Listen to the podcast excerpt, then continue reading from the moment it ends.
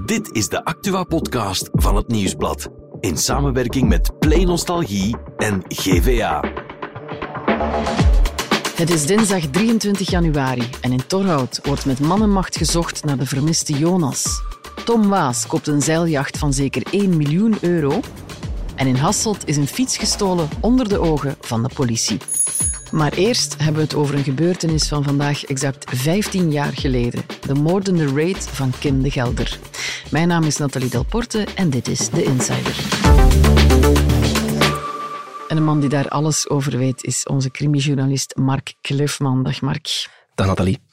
Ik zei het al, het is vandaag 23 januari en dat is voor elk van ons, maar zeker voor de mensen van Dendermonde, Mhm. een datum die ze zich liever niet herinnerd hadden. Want sindsdien kennen we allemaal de naam van Kim de Gelder, de man die op die dag aan het moorden sloeg. Ja, hij sloeg eh, exact 15 jaar geleden vandaag, eh, Mhm. toen we in kinderdagverblijf Fabeltjesland in, in Dendermonde. Mhm. En dat was een, een gitzwarte dag voor heel het land, eh, denk ik. Want ja, zijn, zijn dodelijke rijd op, op baby's, kleuters, kinderverzorgsters.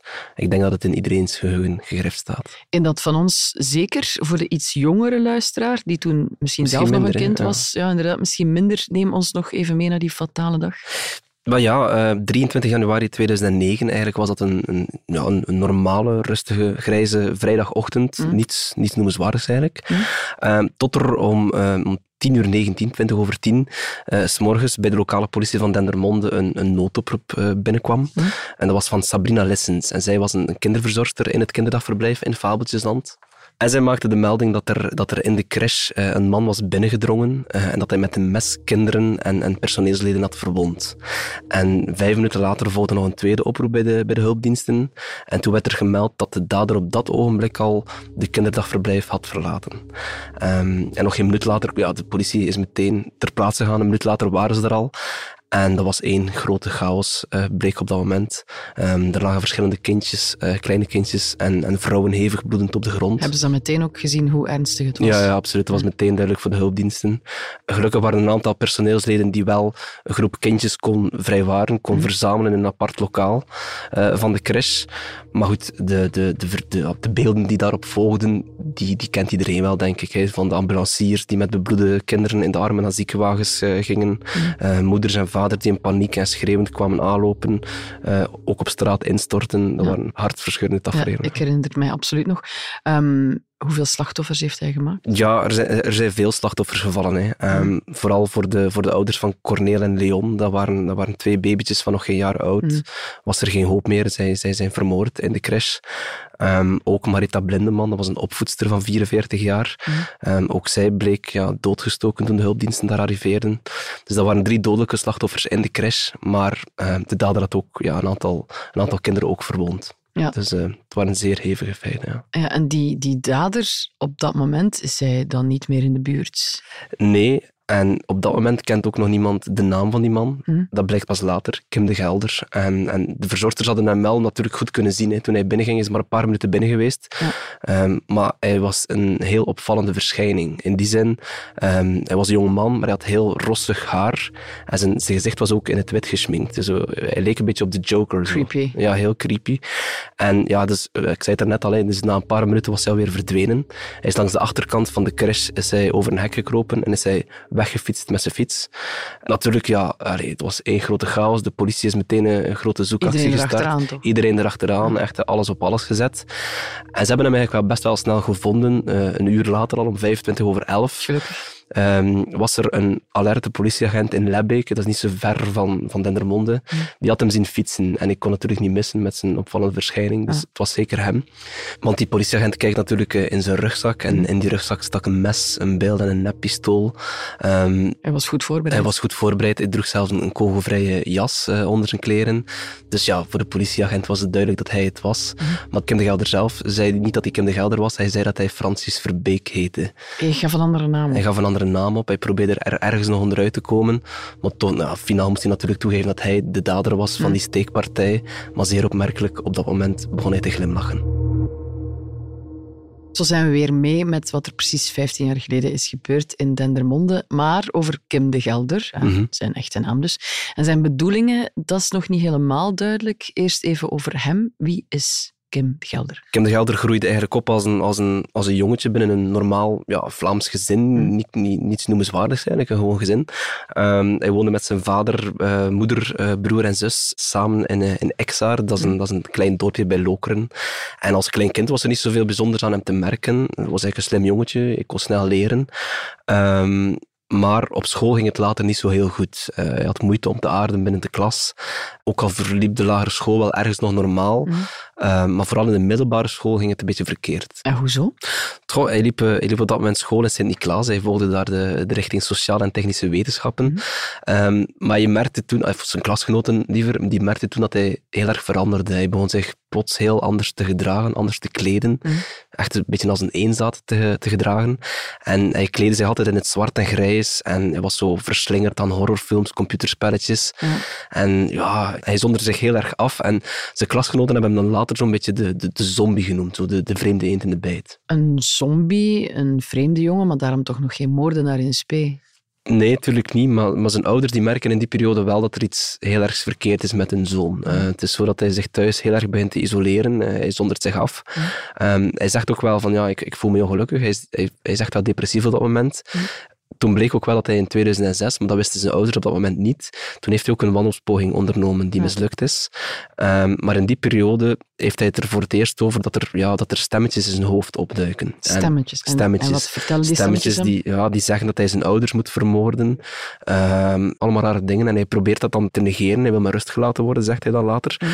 Ehm, maar op een gegeven moment zegt hij van ja, ik ga hier breken met mijn gezin. En hij gaat in zijn eentje wonen. Hij isoleert zich helemaal. Mhm. En dat was in oktober 2008, enkele maanden voor de feiten. Oké, en die stemmen in zijn hoofd, die eh, neemt hij mee, want die spelen toch wel een belangrijke rol blijkbaar in het verhaal. Ja, absoluut. Ehm, nu, ik, ik heb de voorbije jaren eigenlijk ja, heel veel gesprekken gehad met de ouders van Kim de Gelder. En, en zij zeggen eigenlijk al sinds Kim 18 was, Mhm.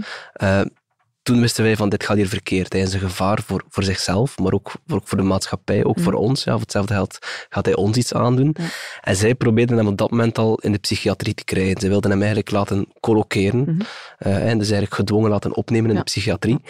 Ehm, maar ja, ze zijn er ook gaan aankloppen bij een psychiater en ze zeggen van ja, die psychiater heeft niet goed geluisterd, die heeft dat afgewimpeld. En dat voor hen was dat altijd zeer frustrerend, want voor hen is dat een beetje een ja, de gemiste kans geweest. Ja, tot dus die fatale dag dat hij in Fabeltjesland binnenstapte Ja. en daar een drama aanrichtte dat zijn ouders eigenlijk hadden willen vermijden. Ja, eh, absoluut. En na zijn arrestatie is dan gebleken dat Kim de Gelder eigenlijk nog veel meer op zijn kerststok had. Dat, Mhm. hij, dat hij die feiten al echt al een tijd aan het voorbereiden was. Hè. Dat hij van op zijn appartementje, waar hij dus heel geïsoleerd leefde, was hij, was hij bezig met vluchtroutes uitstippelen. Hij deed eh, onderzoek naar andere doelwitten dan, dan de crash in Fabeltjesland. Hij kocht ook materialen. Hè. We spraken al over, dat kogelvrije, over die kogelvrije jas. Ehm, hij oefende zelfs letterlijk op het uitdelen van messteken eh, in zijn appartement. Ja. Hij vervalste zijn paspoort. En zeer belangrijk, nadien is eigenlijk ook gebleken dat hij, dat hij ook al een vierde dodelijk slachtoffer had gemaakt in de periode eh, voor de feiten in Fabeltjesland. En dat was op een boerin uit Vrasene. Dat was zijn eerste slachtoffer dan eigenlijk. Ja, eh, inderdaad. Dat, dat was op 16 januari, een week voor de, de reet in Fabeltjesland. Dat was toen maar een klein berichtje in de krant, eh, dat er in Beveren, Vrasene Beveren, Mhm. dat er daar een, een oudere vrouw om het leven was gebracht op haar boerderij. En die vrouw die, die, die bleek met, met heel veel messteken eh, omgebracht. Mhm. Maar de dader of het motief voor die moord, allee, dat was, daar hadden de, de, de geen spoor naar. En eh, ja, dat leek evenzo de, de perfecte misdaad te worden. Tot bleek ja, dat Kim de Gelder, hè, na zijn arrestatie, bleek dat hij een uitgestippelde fietsroute op zijn computer had naar de Galgstraat in Vrasene, waar die vrouw woonde. En die vrouw die, die heette Elsa van Raamdonk, die woonde Mhm. daar met haar man. Ehm, en achteraf is gebleken dat zij een willekeurig slachtoffer was. Haar man heeft dan... Eigenlijk wilde hij al die En- mensen in die straat vermoorden, om een of andere reden. In die, in die In die straat. Maar dan waren de buren niet thuis. En de, de, de, de echtgenoot die was ook niet thuis, de, de echtgenoot van Elsa.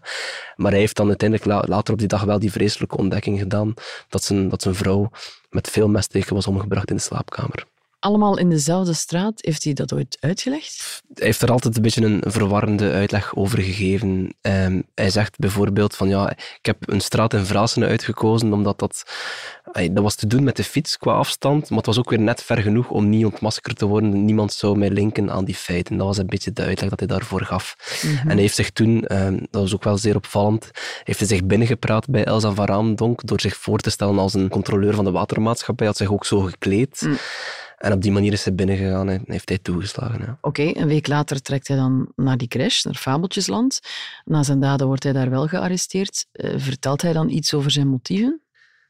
Ja, dat was natuurlijk heel belangrijk, hè, dat eerste verhoor. Want ja, de politie mhm. wilde natuurlijk weten waarom heeft, waarom heeft hij ja, überhaupt zoiets gedaan.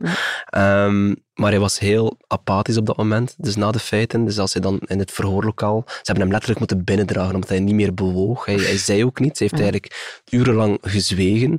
En afhankelijk zei hij ook van, ja, ik herinner me eigenlijk niks van, van, van de feiten in Fabeltjesland. En zeer opmerkelijk daarbij, dus ja, hij had zich dus uren eigenlijk ja, zeer apathisch gedragen. Mhm. En dan plots de twee ondervragers van hem, die, wilden, ja, die gingen even pauze nemen tijdens de ondervraging. Die gingen een luchtje scheppen. Ze hebben dat ook later getoond tijdens het proces. Um, en toen, want ze hadden alles gefilmd. Ze hadden heel het verhoor gefilmd. En toen bleek op de beelden dat Kim de Gelder zich daarvan bewust was dat die agenten even weg waren. Um, en plots begon hij ze wel een beetje te, te bewegen, zijn spieren los te schudden. Um, en dan, daarna kwam die speuders terug binnen en dan bevroor hij weer. Dan, dan bewoog hij weer niet meer. Dus dat was zeer, dus leek dat zeer bizar. zijn te spelen. Dan. Ja, dat leek het natuurlijk op. Hè. Ja, um, was, was dat te verklaren? Hij heeft later ook toegegeven dat hij op dat moment comedie speelde. En, en dat wispelturig gedrag, dat is ook later een beetje gebleven. Hè. Dat is tijdens het proces zo geweest. Ook in de gevangenis is dat ook zo. Uh, is dat ook vaak opgevallen dat hij...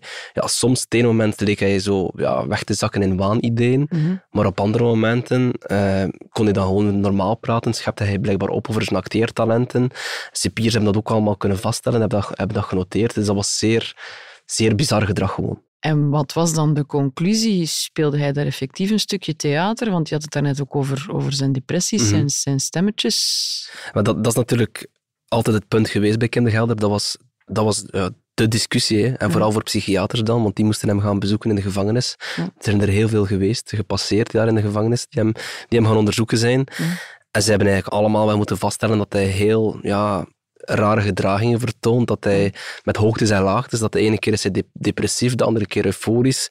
Uh, ja, hij schommelt enorm tussen, tussen waanzin en helderheid. Mhm. Uh, ook tegenover zijn ouders bijvoorbeeld. Ze hebben dat ook verteld. Het ene moment uh, wilde hij er niet mee praten. Het andere moment was hij dan blij dat ze, dat ze op bezoek kwamen. Mhm. En eigenlijk bij Kindergelder is elke dag anders, denk ik. En, en ja, dat was ook het geval bij zijn verklaringen, hè, ook over de stemmetjes in zijn hoofd. Dus ja, het was, het was vooral de inzet en de, de, opdracht voor de psychiaters om dat, om dat uit te maken. Hè, van waarom heeft hij die feiten ja, in godsnaam gepleegd? En mm. ja, wat bezielt iemand natuurlijk om gewoon ja, in een crash onschuldige kinderen dood te steken? Dat is natuurlijk, ja, dat was, dat was de inzet op het proces. Uh, was hij toerekeningsvatbaar of was hij op dat moment geestesziek? Mark, uh, Kim de Gelder sloeg dus op twee plaatsen toe. Hij vermoordde vier mensen. En in 2013 stond hij ook nog eens terecht voor 25 moordpogingen. Ja, dat is veel. Uh, en dat was vooral omdat ja, hij, hij, hij, moest zich eigenlijk verantwoorden voor alle kinderen die op dat moment in de crash aanwezig waren. Dus daarom kom je aan zo'n hoog uh, getal. Um, ja, ik, ik, heb dat proces ook gevolgd in 2013. Dat was uh, een, denk ik een van de meest intense assiseprocessen ooit in het land. Dat zal wel. Um, dat proces heeft ook vier weken geduurd. Dat mhm. was ook wel redelijk ongezien. Hè. Dus een beetje vergelijkbaar met de Marc Dutroux destijds. Was ook een aparte zaal voor de media zo, omdat er zoveel belangstelling was uit binnen- en buitenland. Um, en dat was een zeer intens proces, vooral omdat ja, natuurlijk al die slachtoffers zijn komen getuigen, mm. al die nabestaanden. En dat zorgde voor echt wel ja, veel schrijnende, zeer emotionele verhalen van ouders die een kind verloren waren, van familieleden die hun moeder kwijt waren. En van ouders die ook vooral, ja, wiens kind dan wel uh, gelukkig niet gewond raakte, maar die wel urenlang in onzekerheid hebben verkeerd. Dat was heftig, uh, zeer heftig, ja. ja, ja, ja. Um, en dan zit hij daar ook in diezelfde ruimte. Welke indruk maakte hij op jou toen je hem voor het eerst zag? Ja, helemaal anders dan dat je zou verwachten. Hè, want we kennen allemaal wel die beelden uit de krant, denk ik, mm. van Kim de Gelder met zijn lang haar hè, en, en, en, zijn leren jas. Dat was niet meer. Hij had dat uh, ingeruild op dat moment uh, op het proces voor een keurig pak. Hij had ook mm. veel korter haar. Hij had een, een, zware baard, net als zijn vader eigenlijk. Uh, maar ja, ook op het proces vanaf het eerste moment, vanaf de eerste minuut eigenlijk al, gedroeg hij zich heel raar. Bij, pff, al, al bij het begin van de zitting, bij wat hij zei. Soms leek het zo... Ik kreeg wel een beetje de indruk van, ja, die, die man speelt hier een rolletje. Mhm. Alsof hij dat de, de ernst van de feiten niet inziet en ja, niet echt... Of, of ja, of gewoon dat hij gewoon niet begreep in welke film dat hij eigenlijk verzeild was geraakt. Ja, en blijft de vraag van daarnet dus, eh, was hij toerekeningsvatbaar of geestesziek op het moment van de feiten? Ja, dat was de inzet van het proces natuurlijk. Ehm, Jacques Haantjes, dat is de advocaat van, van Kim de Gelder, altijd geweest vanaf het, eh, vanaf het moment van de feiten. Die heeft vanaf het eerste moment gezegd van ja, mijn cliënt die, die is ontoerekeningsvatbaar, die is Mhm. geestesziek.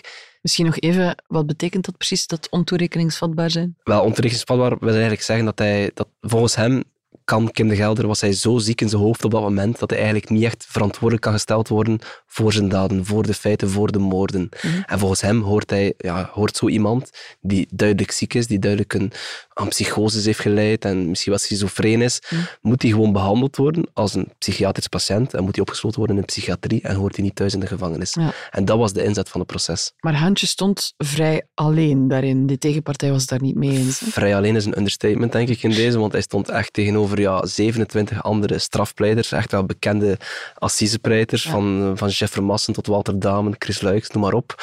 Ehm, dus hij stond er echt wel alleen tegen de wereld. Ook het Openbaar Ministerie, het parket, die was er echt op gebrand om Kim de Gelder ja, te laten veroordelen Mhm. voor het Hof van Assisen tot, tot levenslang. Ja. En natuurlijk is dat met een heleboel slachtoffers, tientallen slachtoffers en nabestaanden, die dat ook wilden. En dus dat was, ja, Jacques Haantjes had er een heel moeilijk proces. En dan, vier weken later, eindelijk het verdikt. Ja, na, na vier weken viel dan het verdikt en, en de jury was van oordeel dat inderdaad Kim de Gelder eh, wel toerekeningsvatbaar was en Mhm. dus niet geestesziek, met als gevolg dat hij eh, veroordeeld werd tot een, tot een levenslange opsluiting en dat hij dus gewoon naar de gevangenis moest en niet naar de psychiatrie. En hoe gaat het nu met hem? Wel, in 2019, het is zo dat Jacques Haantjes heeft er ook na de veroordeling altijd voor gepleit dat hij toch moet geïnterneerd worden. Mhm. En in 2019 is uiteindelijk toch nog beslist dat Kim de Gelder ontoerekeningsvatbaar is verklaard. Ja. Ehm, dat, dat zat eigenlijk zo. Ehm, zij had verschillende periodes in de gevangenis doorgemaakt. En de laatste periode was bijvoorbeeld, denk ik, in de gevangenis van Oudenaarde. Mhm. En daar stelde de directie van de gevangenis ook wel vast van, ja, die hoort hier iets niet thuis, dat klopt niet. Ja. En ehm, eigenlijk zou die man toch beter geïnterneerd moeten worden, omdat hij mogelijk wel ziek is. En dan is er opnieuw een college van deskundigen, opnieuw psychiaters aangesteld, die hem opnieuw zijn gaan onderzoeken. En die kwamen finaal wel tot de conclusie, ja, Kim de Gelder is ondertussen wel zeker wel ontoerekeningsvatbaar. Hij moet naar de psychiatrie, Hm. ehm, waar hij moet behandeld worden. En uiteindelijk is dat dan in 2019 beslist dat dat eh, zou gebeuren. Eh, maar toch heeft het nog eh, twee jaar geduurd, een goede twee jaar zelf. In 2022 heeft hij een plekje gekregen in de psychiatrie. Is hij overgebracht van de gevangenis naar een forensisch psychiatrisch centrum, heet dat, in Antwerpen. En het verschil daar is dat je niet meer een gedetineerde bent, zoals in de gevangenis, maar daarbij echt een patiënt. En is het eigenlijk de bedoeling dat je, ja, dat je therapie krijgt. En die krijgt hij? Ik heb gisteren nog gesproken met Jacques Haantjes. Ik heb hem nog eh, geïnterviewd daarover. Ehm, en het laatste contact dat hij had met zijn cliënt is dat hij in een observatieafdeling verblijft in die, in die psychiatrie. Eh, omdat men ja, tot op vandaag is hem nog steeds aan het observeren, zijn gedrag aan het bestuderen, om te kijken hoe hij reageert. Hm. Om dan uiteindelijk de juiste diagnose te stellen, om dan de beste behandeling aan hem te geven. Nu, de diagnose bij Kim de Gelder die luidt ja, schizofrenie. Mhm. En eigenlijk zal de bedoeling zijn dat hij op termijn samen in, ja, in een leefgroep in die instelling terechtkomt met mensen die dezelfde diagnose hebben, om dan de, de beste behandeling op te starten. Maar ja, hoe, hoe is Kim de Gelder vandaag? Hetgeen wat ik hoor is dat hij nog steeds heel apathisch is, dat hij Mm. zich een beetje kind gedraagt, hij slaapt heel veel. Ehm, dus ja, het is, het, is, het is nog altijd een beetje dezelfde Kim de Gelder als 10, 15 jaar geleden. Die ooit nog kan vrijkomen? Nee, die kans is eigenlijk ja, nihil, Hm. Mag je wel stellen. Ehm, dus ah, ik heb ook vaak met die ouders gesproken en zij zeggen zelfs letterlijk, ehm, wij willen eigenlijk nooit dat Kim de Gelder ooit nog terug in de maatschappij komt. Zijn eigen ouders. Ja, zijn eigen ouders. Ja, ja. dan weet je het wel natuurlijk. Ja. en dan hebben we het nu de hele tijd over de dader gehad, maar de slachtoffers, En die zijn er met veel. die zijn met veel. En hoe is het ondertussen in Dendermonde? Goh, je merkte doorheen de jaren wel dat ehm, ze hebben elk jaar een herdenking daar in Dendermonde aan Fabeltjesland. En de teneur was altijd wel dat ja, de, de feiten hebben er heel zwaar ingehakt. Mhm. En dat is, een, dat is een trauma voor het leven, denk ik, voor, voor, voor die slachtoffers. Ehm, dus ja, dat, is, eh, dat zal niet evident zijn. Nee, dat zal wel. Mark Cliffman, dank u wel. Graag gedaan. En voor het andere nieuws is Bert erbij komen zitten. Dag Bert. Dag Nathalie. Er wordt in de regio Torhout met man en macht gezocht naar Jonas Heigermond. Vertel eens, wat is er aan de hand? Ja, je hebt het misschien ook al gezien in de opsporingsberichten die Mhm. verschenen zijn. Ehm, Jonas, eh jongman van 27 jaar, die is sinds dit weekend vermist. Hij was eh, in Torhout naar een feestje geweest, een discotheek, Place to Party. En hij is daar in de nacht van zaterdag op zondag vertrokken, om kwart voor vier ongeveer. En sindsdien is hij spoorloos. We zijn nu twee dagen verder. Ze zullen met man en macht gezocht hebben, maar nog altijd geen nieuws. Nee, inderdaad. Ze hebben echt alle camera's uitgekampt, ook in de omgeving, twee kilometer rond die discotheek. Niks gezien. Ze hebben alleen gezien dat ja, Jonas onder invloed buiten kwam eh, uit die discotheek. Maar ja, het was een ijskoude nacht. Ehm, ja, ehm, daar kan echt wel iets misgelopen zijn. En de zelfvermiste personen, die roept nu ook echt wel op van iedereen die daar rond die tijd in de buurt iets kan gezien hebben, laat het ons alsjeblieft weten. Tom Waas, alomtegenwoordig een dankbare en gulle mens. Hij heeft een bootje gekocht, Bert. Een bootje, zeg maar een boot, eh, Nathalie. Want eh, het is een zeiljacht van zo'n 16 meter lang. Alsjeblieft. Ja, dat naar schatting, volgens zeilclubs en zo, die we dan eens gebeld hebben, ongeveer 1 miljoen of toch iets meer zou kosten. Ja, 1 miljoen euro. 1 miljoen euro. Ja, Ja, maar die mens verdient ook goed, hè? Die verdient ook goed en hij zegt, ik heb dat volledig uit eigen zak betaald. Ehm, in dit geval is het eigenlijk uit eigen zaak betaald, Ah ja. eh, Nathalie. Want het wordt een werkboot en dan kan hij die op de zaak zetten. Ah, dat is Ehm, dus niet voor eh, plezierreisjes. Helemaal niet voor zijn plezier. Nu, leuk detail, eh, Tom Waas kan eigenlijk niet zo goed zeilen. Hij, heeft, hij moet daar nog diploma's voor halen en zo.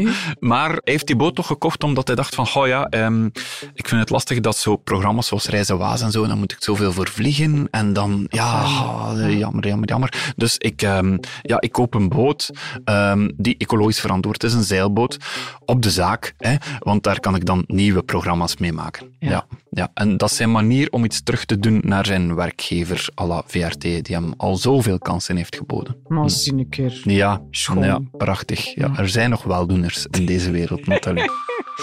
En dan nog een regiobericht. Waar neem je ons vandaag mee naartoe? Eh, naar Hasselt, naar Ja. de Kempische brug in Hasselt, want daar is de fiets van Jos Wilberts gestolen. Och, arme Jos. Ja, och arme Jos. Je zou nu kunnen denken, is dat nu groot nieuws om hier in de Insider te brengen?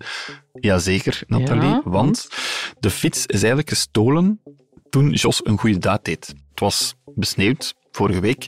Jos komt daartoe met zijn fiets en hij ziet dat de politie auto's aan het duwen is op die brug, zodat die niet wegslippen. En hij denkt, oei, oei, dat is gevaarlijk, ik ga die meehelpen. Dus hij zet zijn fiets aan de kant. Voor het eerst in 26 jaar zet hij die niet op slot. En na een half uurtje keert hij terug en zijn fiets is weg. Een fiets van 26 jaar. Ja, heeft hij al 26 jaar. Ja, een eh Rockrider 700 staat erop.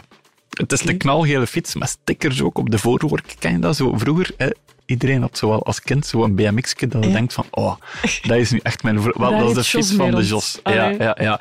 Zijn stuur was ook aangepast eh, op zijn lengte en zo. Dus hij zegt, alstublieft, als iemand mijn fiets ziet staan, knalgele Rockrider 700 erop, mail naar joswilberts.gmail.com. Of gewoon een sympathiek mailje van Jos, we hebben compassie met u. Dat ook. Dus stuur hem een kaartje. Voilà, dankjewel Bert. Morgen zijn we er opnieuw met een nieuwe Insider.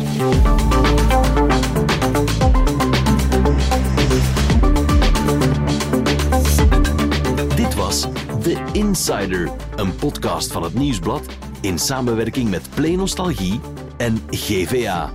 De muziek is van Pieter Santens. De montage gebeurde door House of Media. Wil je reageren? Mail naar podcast.nieuwsblad.be.